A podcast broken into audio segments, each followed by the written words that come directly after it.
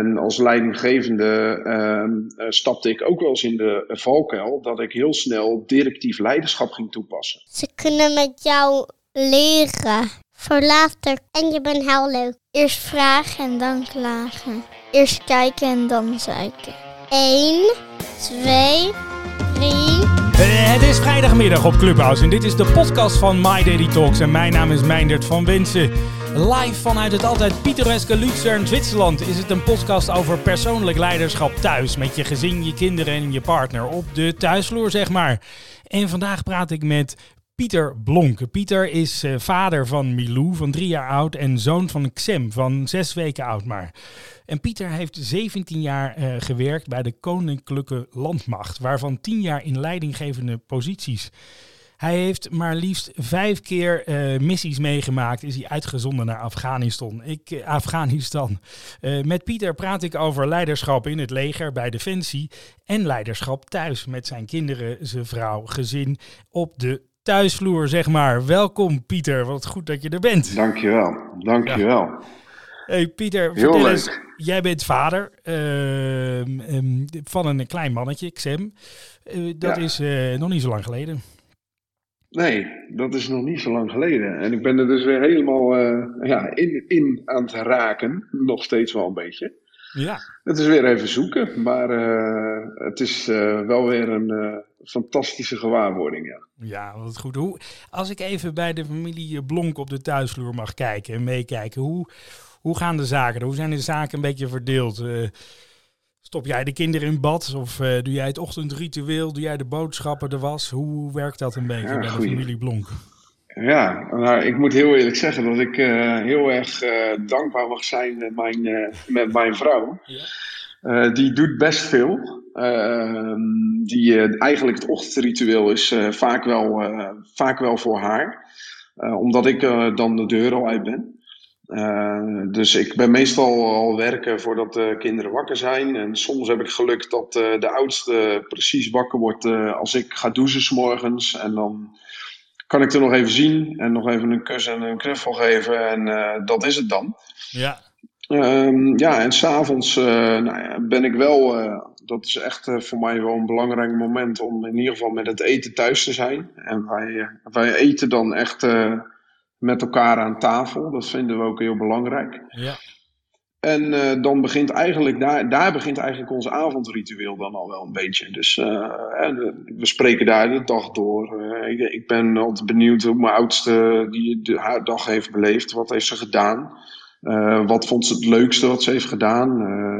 En met wie heeft ze iets gedaan? Ja, wat. En... Jij, bent, jij hebt met name dat, de, die ochtend, die, die, die ben je al heel vroeg de deur uit. Dus het is die, die avond waar jij verbindt met je. En het weekend, denk ik. Of het weekend moet je ook werken? Of ben je dan. nou, aanwezig? nee, zaterdag is wel echt mijn vrije dag. Dus ja. vrij, zaterdag is echt wel voor mijn gezin. En dat vind ik ook heel belangrijk om dat echt te waarborgen. Ja. Um, en op zondag heb ik nog wel een, een, klus. Dus ik, ik, op zondag begeleid ik een, een hockeyteam. Ah, okay. die, uh, daar doe ik het teamproces en mental coaching voor individuen ja. uit het team. Die is, ah, okay. Dus ik ben eigenlijk iedere zondag ben ik wel ja, ja, langs het hockeyveld en, te bewonderen. Ja, ja, je kinderen zijn natuurlijk uh, nog klein, drie en elf jaar. De, drie uh, jaar en elf weken, sorry. Ja, ja. ja. Dus, dus daar wordt nog niet gehockeyd. Maar misschien dat ze Nee. later mee kunnen gaan op dat, hockey, op dat hockeyveld. Dat zie je ook wel veel gebeuren. Ja, ja. Nou, dat is ook wel een beetje wat er nu begint te ontstaan. Hè? Ja. Dat Miranda op een gegeven moment wel zegt van... Hey, we komen misschien binnenkort, ga ik wel gewoon even mee. En dan, Ja. eh, dan gaan wij gewoon die wedstrijd kijken. En eh, nou ja, hartstikke prima, dat is ook goed. Dan kunnen ze mee naar mijn werk. Hè. Nou, dat, heb ik nooit, eh, dat hebben ze nooit gekund. Dus Nee. dat is wel mooi. Ja, wat goed, wat goed. Nou, daar hebben we een beetje een, een beeld van eh, hoe dat bij de familie Blonk eh, op de thuisvloer allemaal, allemaal loopt en zeilt, relt en zeilt. Eens even kijken, Pieter. Jij, ehm, nou ja, wat, ehm, in de intro heb ik het ook al even genoemd. Jij hebt natuurlijk een hele carrière achter de rug bij Defensie. eh, meerdere malen uitgezonden naar Afghanistan. Ehm, Ja. we hebben het vandaag over leiderschap op de thuisvloer. Eh, en daarbij probeer ik altijd de link te leggen met de werkvloer. En jouw, Ja. ja, jouw werkvloer is best een pittige omgeving. Hè? Eh, ik, ben, ik heb zelf nooit militaire dienst hoeven doen, moet ik zeggen. maar misschien moet ik eigenlijk wel zeggen mogen doen. Ehm, dus ik, ik denk dat heel veel mensen er een heel, beeld bij hebben hoe dat dan daar gaat in het leger. Kan je ons eens meenemen in een van jouw missies waar jij als leider hebt gewerkt, hoe dat, hoe dat gaat? Ja, um, nou goed, eh, kijk, voordat je op missie gaat, uh, bereid je je natuurlijk heel goed voor. Um, het is heel belangrijk om ja, te trainen uh, voor hetgeen wat je daar gaat doen. Uh, dus dan, dan kom je in een fase van gereedstellen. En ja, het is, het is zo dat, dat zeg maar, de personele tekorten die bij Defensie, waar ik heel lang mee te maken heb gehad, er eigenlijk voor zorgden dat we niet echt een organieke uh, team hadden. Dus we hadden niet een, een team die van nature bij elkaar op functie in de, in de groep zaten. Mhm. Dus vaak worden dan voor missies worden teams samengesteld. En uh, ja, dus ga je ook bouwen weer opnieuw aan een team. En daar, daar vind ik dat je als leider hele grote verantwoordingen hebt in het bouwen van dat team. Um, dus dat begint al maanden voor vertrek. Uh, Zes maanden, zeven maanden voor vertrek uh, ga je focussen op ja, wat ga je trainen om op dag van vertrek gereed te zijn voor hetgeen wat we daar gaan doen.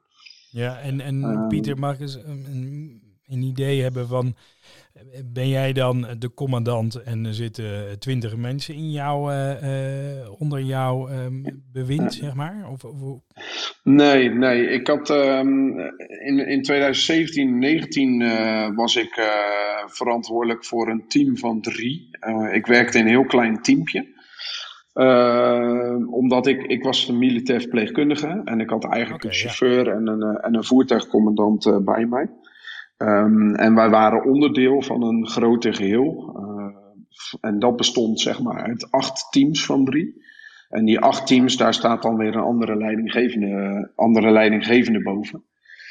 Um, maar uh, dus de, alleen voor het teampje van drie. Uh, maar waarbij ik ook uh, wel af en toe de ja, verantwoording had voor. We hadden drie Nederlandse teams en vijf Duitse teams. Dus het zit ook nog internationaal. Ja. En eigenlijk met die drie Nederlandse teams, daar konden we dan ook random bij inspringen. Dus ja. het, het, belangrijkste was om van die teams één team te maken. Dus dan, ja, je hebt eigenlijk met twee verschillende teamprocessen te maken. Ja. En dat loopt dan een beetje door elkaar heen. Dat, dat komt ook een beetje door de hiërarchische opbouw uh, die daar is, zeg maar. Ja, en het is, ehm, ik kan me voorstellen dat het ontzettend belangrijk is dat... Uh, nou ja, vanuit de thuisvloer geredeneerd, dat er goed geluisterd wordt, zeg maar. Uh, dus dat, ja. ja, ja, dat, dat uh, ik, ik laat mijn kinderen graag een beetje vrij zo nu en dan, dat ze hun eigen richting kunnen kiezen, maar in Afghanistan kan ik me voorstellen dat dat niet echt een optie is. dan moet je toch, dat moet toch vrij strak georganiseerd zijn, ook in die hiërarchie die je ook wel mooi schetst, hoe dat in elkaar steekt, ook met internationale teams. Even kijken hoe... Um, is daar, is daar in, ja kijk, grappig dat je het, hoe je dit, nou grappig hoe je het al noemt, is het dan een totaal ander beeld van hoe je erover uh, over nadenkt als niet-militair, zeg maar, en daar geen uh, ervaring in te hebben. Is veel complexer en uh, zit het in elkaar. Um, en toch de vraag van, um, is er wel ruimte voor um, eigen richting of autonomie of, of zeg maar dat je tegengesproken ja. wordt of, of, of emoties of... Ja, dat, dat is heel erg uh, verschillend. Dat is wel grappig uh, dat je dit vraagt. Want dit is uh, ook wel een beetje een pijnpunt geweest in mijn, in mijn laatste missie. Ehm, dat, dat, ik te, dat ik als leider te weinig autonomie kreeg. Dus waardoor ik soms niet kon inbrengen wat ik wilde inbrengen. Terwijl ik wel een specialist was. Ja. Ehm, Heb je daar een voorbeeld van? Vind je ontzettend interessant. Heb je daar ja, een voorbeeld van? Nou ja, uh, bijvoorbeeld uh, eisen die er zijn, die, die doctrinematig uh, bepaald zijn, die, die worden niet gehaald, werden niet gehaald. En die eisen zijn er niet voor niets, medisch gezien. Dat heeft te maken met het eventueel kunnen redden van een mensenleven.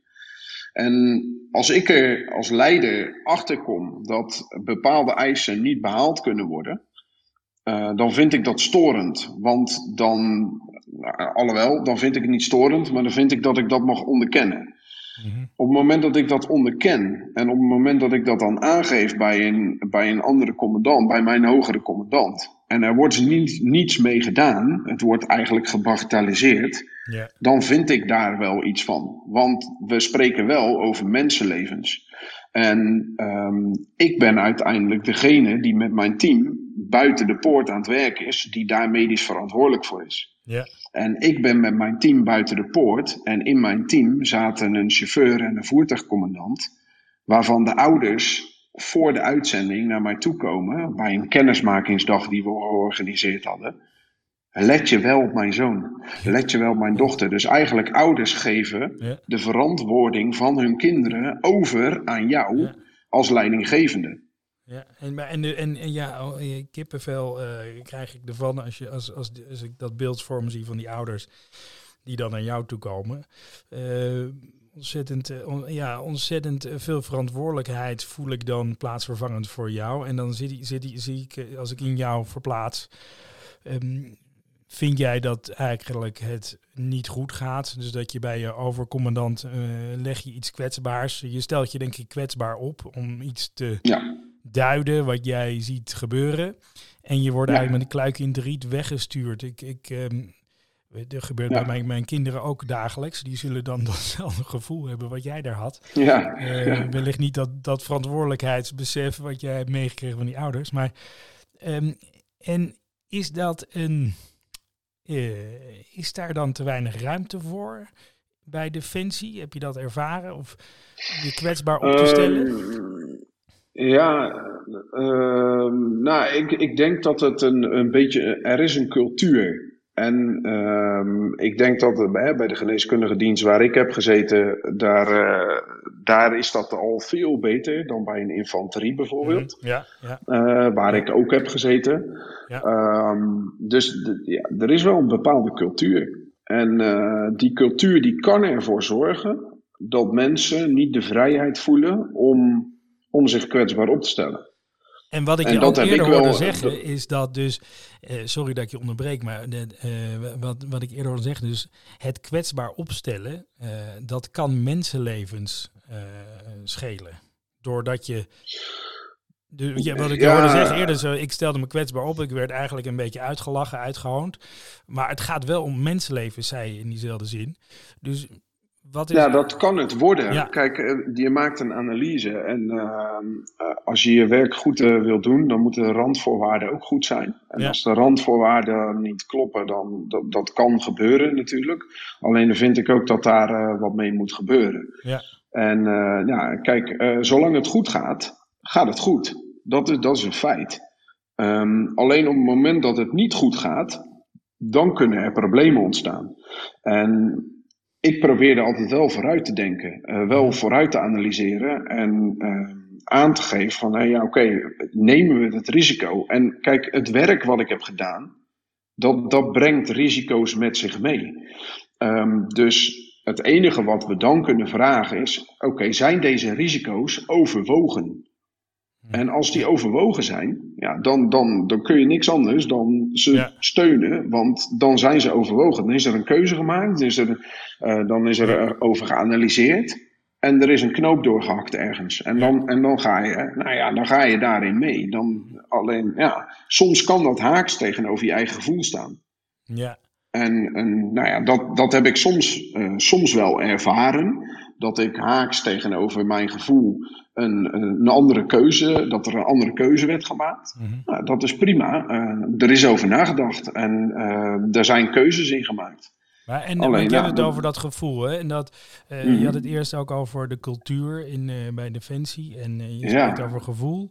Ehm, het, is- dit, dit, als, als leek, buitenstaander, lijkt denk ik van ja, dit, is moeilijk, het is een moeilijke omgeving om je gevoel eens even lekker te laten gelden en, eh, en, en je kwetsbaar op te stellen in die cultuur. Is dat, is dat ook wat jij ehm, wel herkent? Nou, daar is wel echt een eh, enorme verschuiving in gaande. Dus, dus eh, ze, gaan, ze zijn er veel bewuster van dat, dat, dat er mag zijn.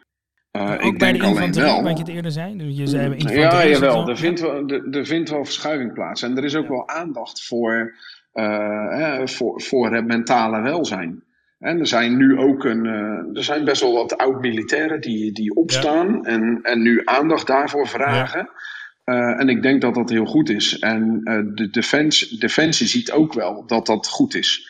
En die willen er ook echt wel wat mee. Dus er is dus absoluut een verschuiving plaats, plaats aan het vinden. Um, alleen als ik kijk, ik kan alleen van mezelf spreken. Um, en ik heb voor mezelf ervaren dat ik uh, me soms niet kwetsbaar op kon stellen. Of dat ik niet mijn ware aard kon laten zien. Maar, moet ik er wel bij zeggen, dat heeft ook aan mezelf gelegen. Ja. Uh, kijk, want ik, ik was degene die bang was. En dat weet ik nu, alleen dat wist ik toen niet. Maar ik, ik was degene die bang was dat ik weer gepest zou worden. Ja, ja. Dus daarom ja, ben ik in een bepaalde ja. macho-cultuur blijven hangen. Uit angst ja. dat ik weer gepest zou gaan worden. Ja. En Pieter, als jij zegt toen, want je bent vijf keer op missie gegaan en de laatste keer was in 2019. Um,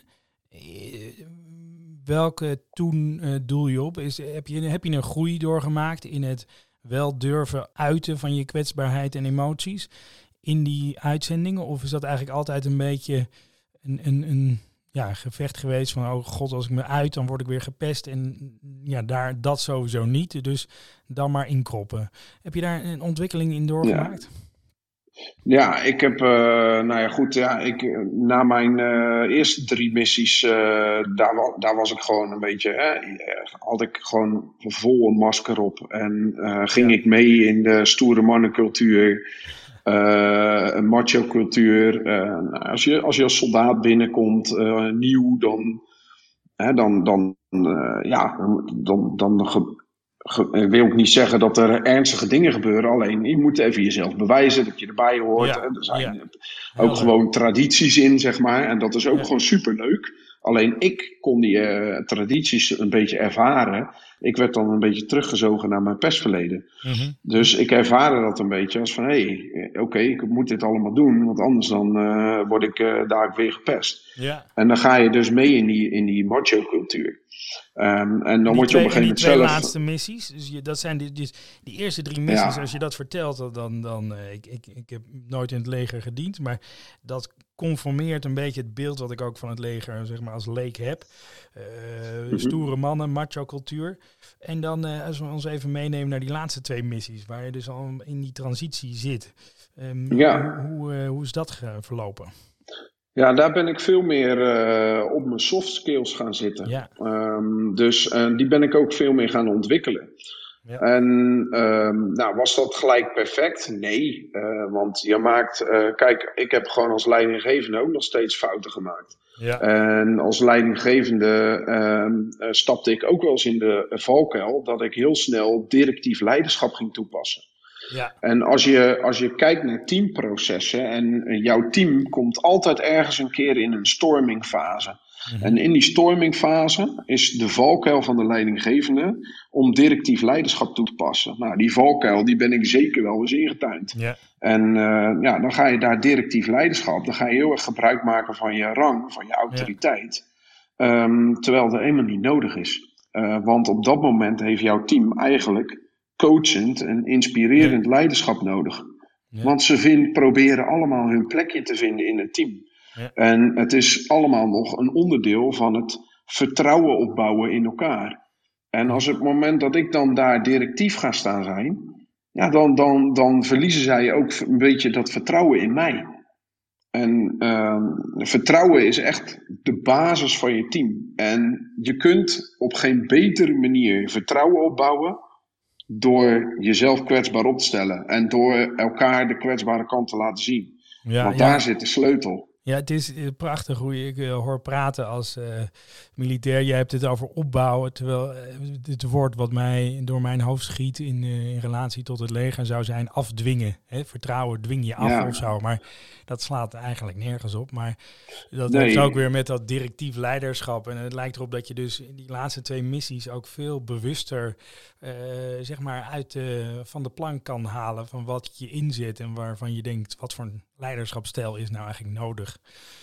Juist. Ja, ja. heel goed. En, en uh, nou ja, toevallig hadden we het aan de voorkant van deze podcast er ook over. Die laatste twee missies, de vierde missie wist je dat je vader ging worden, was je vrouw zwanger. Ja. En de laatste missie was je vader. Eh, Ja. ja, dat had ik je ook eerder gevraagd. Zie je daar eh, dus die softe, die softere kant van jouw leiderschapsstijl en het bewust worden van leiderschapsstijl? Zou dat even ergens een correlatie kunnen hebben met, met het feit dat je dan in één keer vader bent en een andere verantwoordelijkheid met je meebrengt in Afghanistan ook? Nou ja, ja, ja nou, vader worden, dat, dat, dat geeft je andere verantwoordelijkheid en een ander verantwoordelijkheidsgevoel. En ehm, ja, dat neem je wel mee. Eh, want eh, dan kom je er ineens achter dat eh, ja, jouw kind die wil je een bepaald gevoel meegeven. Dus waarom, waarom zou ik de mensen in mijn team niet dat bepaalde gevoel mee willen geven of niet hun gevoel mogen laten uiten? Kijk, een Mhm. kind die, die wil ook gevoel uiten. Eh, dus wat doen ze? Ze worden soms boos, hebben ze zo'n driftbui. Of ze gaan huilen, of ze, of ze zijn heel blij en dan gaan ze gillen en lachen heel hard. En, en we zijn dan snel geneigd om te zeggen van nou, eh, kom weet je, niet zo boos doen. Of eh, kom op, eh, niet huilen, pak jezelf bij elkaar en we gaan er tegenaan. Of we pakken ze gelijk op en we beginnen ze gelijk te troosten. Of als ze even blij zijn, uitbundig willen doen, dan zeggen we nou doe eens even een beetje rustig, hè? even een beetje tam. Dus we gaan heel erg gedrag sturen. En ehm, nou, dat, dat, dat kun je natuurlijk, ja, je kan dat ook wat meer vrijlaten. En dat, dat is wat ik als vader een beetje probeer te doen. Ik probeer dat eh, een beetje vrij te laten. eh, zodat ze gewoon zichzelf kunnen zijn en dat ook kunnen uiten en ook mogen uiten. Maar dat is als leidinggevende ook belangrijk. Want Ja. ja, jouw personeel, die kan ook met bepaalde emoties te maken hebben. Jouw personeel, die kan ook met bepaalde blijdschap te maken hebben. Of die kan ook boos zijn. Eh, of die kan ook geraakt worden in onrecht door hetgeen wat je ziet, bijvoorbeeld in Afghanistan. En dat zijn wel van die dingen, die, dat mag er zijn. En eh, juist door dat bespreekbaar te maken eh, en toe te laten, ja, ontstaat er één, ontstaat er een hechtere band. Maar twee, kunnen mensen ook beter dingen, met dingen omgaan. En zullen ze auto- automatisch ook beter presteren. Ja, ja, ja, ja prachtig. Daar, daarin zie ik heel veel eh, overlap inderdaad met jij als eh, leidinggevende bij Defensie en ook jij als vader thuis met je kinderen. Wat zou het gevaar kunnen zijn als je dus niet zoveel ruimte laat voor die lastige emoties, zowel thuis als op de, op de, eh, met je manschappen? Wat, wat zou daar het grootste, wat zie je daar als grootste ja, gevaar in of probleem naar de toekomst? Nou, het is met manschappen, dat zijn eigenlijk, ja, dat, dat zijn ook precies kinderen. En eh, ik ben zelf ook manschap geweest. Ehm, en als mijn leidinggevende mij een vinger gaf, dan eh, wilde ik liefst de hele hand. Nou, dat is natuurlijk met je kinderen ook zo. Je geeft ze een vinger en dan willen ze het liefst de hele hand. Ze willen ook zeggenschap hebben, ze willen ook inspraak hebben. En dat is met manschap ook. Ze willen ook zeggenschap en inspraak hebben. Alleen soms heb je nu eenmaal te maken met situaties eh, waarin dat niet kan. Ehm, dus eh, hè, je, je, je hebt een bepaalde. Kijk, er is geen, geen handleiding opvoeden. Dus eh, je hebt een bepaalde visie eh, samen als, als stel hoe jij je kinderen wilt opvoeden. En daarin ga je uiteraard grenzen stellen. En op een gegeven moment, als die grens bereikt is, dan, dan, gaat dan laat je dat niet meer verder toe. En dan, dan is de grens bereikt en dan is het dus een keer nee. En nee is ook een antwoord, zeg ik altijd tegen mijn dochter. En dat mag ze ook leren, dat, dat ze in haar leven gaat ze nogal vaker tegenaan lopen, dat, dat ze ergens een keer nee te horen gaat krijgen. En dat mag ze ook leren. Uh, um, en dat is met manschappen net zo. Die moeten ook weten dat het soms gewoon nee kan zijn. En dan zijn het volwassen kerels en volwassen vrouwen, uh, waar ik mee samenwerk, gewoon volwassen collega's. Um, en ik noem ze vooral collega's, want het zijn collega's en geen onderdanen van mij, zeg maar. Zo is hoe ik er eigenlijk in sta. Ik heb mijn manschappen nooit als onderdanen gezien. Nee, ze waren mijn collega's. Want ik had hun net zo hard nodig als dat zij mij nodig hadden. Ja, en ja. ja, alleen zij hebben soms ook te maken dat ze van mij een nee krijgen. En dat kan zijn dat je in een bepaalde situatie zit waarin ik even ga bepalen wat we gaan doen. En dat heeft dan ergens mee te maken. Of er is heel veel tijdsdruk, of er is uh, stress, of er moeten we, uh, directe beslissingen gemaakt worden. Ja, en daar ben ik dan de leidinggevende voor. Ja. En dan kies je een beetje voor de directieve, uh, directieve leiderschapsstijl, want die is helemaal niet verkeerd als je hem waarde nuttig inzet. Ja, en dat kun je thuis ook zo, doen. Is het dan zo dat als jij um, zeg maar die coachende leiderschapsstijl, wat je eerder ook noemde, uh, of die mm -hmm. meer dienende leiderschapsstijl, waar je wat losser dingen toelaat, dat, mm -hmm. dat is je, uh, dat is je go-to-stijl, zeg maar. Zo, dat is voornamelijk hoe je omgaat. En daarmee creëer je de mogelijkheid om op momenten die directieve stijl in te zetten. Maar andersom uh, werkt het niet. Als je gewoon altijd die directieve stijl hebt en dan af en toe het even loslaat, die werkt niet echt. Dus je bouwt, zeg maar, dat is dat met uh, de Seven Habits van Stephen Covey, dat is die emotionele ja. bankrekening, die bouw je op door, Juist, uh, door coachend ja. leiding te geven, veel ruimte te geven. En als op een gegeven moment, als je echt de deur uit moet met de kinderen, omdat je naar de dokter of weet ik wat een belangrijke afspraak hebt, dan kan je even die directieve leidingstijl inzetten en dan werkt dat ook. Maar 100%. Werkt, is, dat, is dat een beetje hoe, het inzicht ja. wat je um, ja. hebt meegekregen? Ja. ja, spijker op zijn kop. Want uh, het is echt, um, kijk, als jij altijd directief bent, dan gaat de vertrouwensband gaat weg. Ja. En dat zal ook met je kind zijn. Als ja. jij met jouw kind heel directief bent, heel erg op de regels mm -hmm. zit en niks mag en ja. alles moet zoals jij het wil, dan, dan, ga, uh, ja, dan gaat de vertrouwensband. Maar wat dat wel kind gaat het allemaal is, doen, hè? Omdat, ja, wat omdat, wel uh, lastig is, Pieter, in het relatie met mijn kinderen weet ik het ook gewoon echt vaak veel beter. ja, maar wij hebben ook veel meer kennis. Ja, omdat dat we veel ouder ik. zijn. Ja, ja. Dus dat, dat, dat is ook zo. Ja. Alleen het, gaat, het zit hem soms in de kleine dingetjes. Ja. Dus het gaat niet om wie heeft gelijk. Ja. Maar het gaat erom dat ze gewoon ja, autonomie krijgen. Dus dat ze zelf mogen kiezen. En Ja. eh, nou ja, daardoor doe ik soms, eh, laat ik ze kiezen uit twee dingen. En dan Oh is dat het. mooi, en wat je dan ziet, hè, dan geef je die vinger. En wat wil ze dan? Nee, die willen ze niet die, één van die twee dingen. Nee, die wil ze vooral dat derde ding. Want ja, dat is dan die, Ja. die hand die ze wil hebben. Herkenbaar, En, en Ja. kijk, en dan moet je bij je keuze blijven. Nee, het Ja. is één van deze twee. En anders is het gewoon niet. Maar en daar gaat Milou eh, gaat keihard eh, huilen. eh, maar, en, maar niet een beetje hard. Maar die kan waarschijnlijk nog harder huilen dan die van mij. Dat, dat geloof ik meteen. En dat is heel, dat gaat door merg en been. Want je houdt ontzettend veel van haar.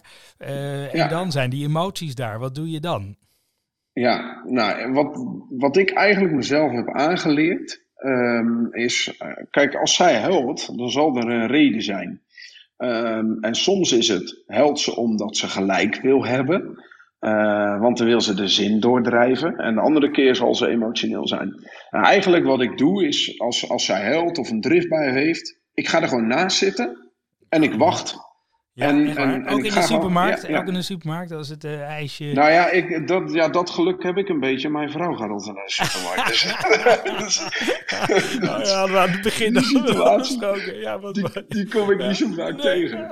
nou ja. Maar ik, Ik, ik, nou ja, ik ga er wel naast zitten. En, en, en, en, ook als, eh, soms gaat ze ook grenzen over. En dan sturen we er, nou ja, dan breng ik haar naar de gang. En dan zeggen we van, nou oké, even op de trap. Ga, ga even nadenken. Nou, dan gaat ze gillen, dan gaat ze huilen, wordt ze boos, gaat ze slaan, noem maar op, op de grond hè, of op de trap, stampen. Nou, laat dat er allemaal maar even uit. En dan laat ik er even gewoon twee minuutjes razen. En daarna ga ik, dan ga ik naar de gang, dan ga ik op de grond zitten en dan ga ik net zo lang wachten eh, tot ze me aankijkt. En dan steek ik mijn hand uit en dan laat ik haar naar me toe komen. Ja, En dan ga ik in gesprek en dan zeg ik, nou oké, vertel, ja, wa- waarom ben jij nu verdrietig? Of waarom ben jij nu boos? En eh, vaak komen we dan wel tot een, tot een kern van, nou, oké, eh, ze, werd, ze werd boos omdat ze de gelijk niet kreeg. Of ze werd boos omdat ze niet kreeg wat ze, waar ze eigenlijk om vroeg. ja. En, eh, want ze wilde dat ene snoepje. Nou ja, Ja. prima. Nee, je, Ja. je, ja, wa- je mocht fruit. Daar, Weet misschien zie ik daar, ik zit net even hard op te denken, of in mezelf te denken natuurlijk. Ehm, eh, de parallel met, met Defensie, daar is dacht ik even, daar stuur je je mannen toch niet even naar de, naar de gang op de trap te zitten. maar misschien ook wel even, even extra rondje op de, op de, op de hoe heet die baan, de, de jullie... Um, uh, op de stormbaan. De stormbaan. ja, ja, de hindernisbaan. Ja. Beetje die parallel. hey Pieter, we zijn alweer uh, uh, bijna tegen het einde van, van onze, deze podcast. Dus het is ja. tijd om weer een beetje richting het einde te praten. En dan heb ik ook altijd een um, vraag van mijn vorige gast. En dat was Matthijs van Abbe.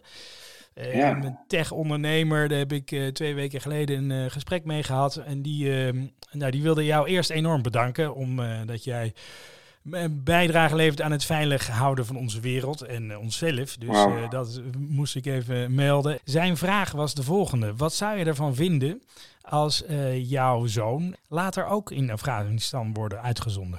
Ja, dat is een hele dat is een goede vraag. Um...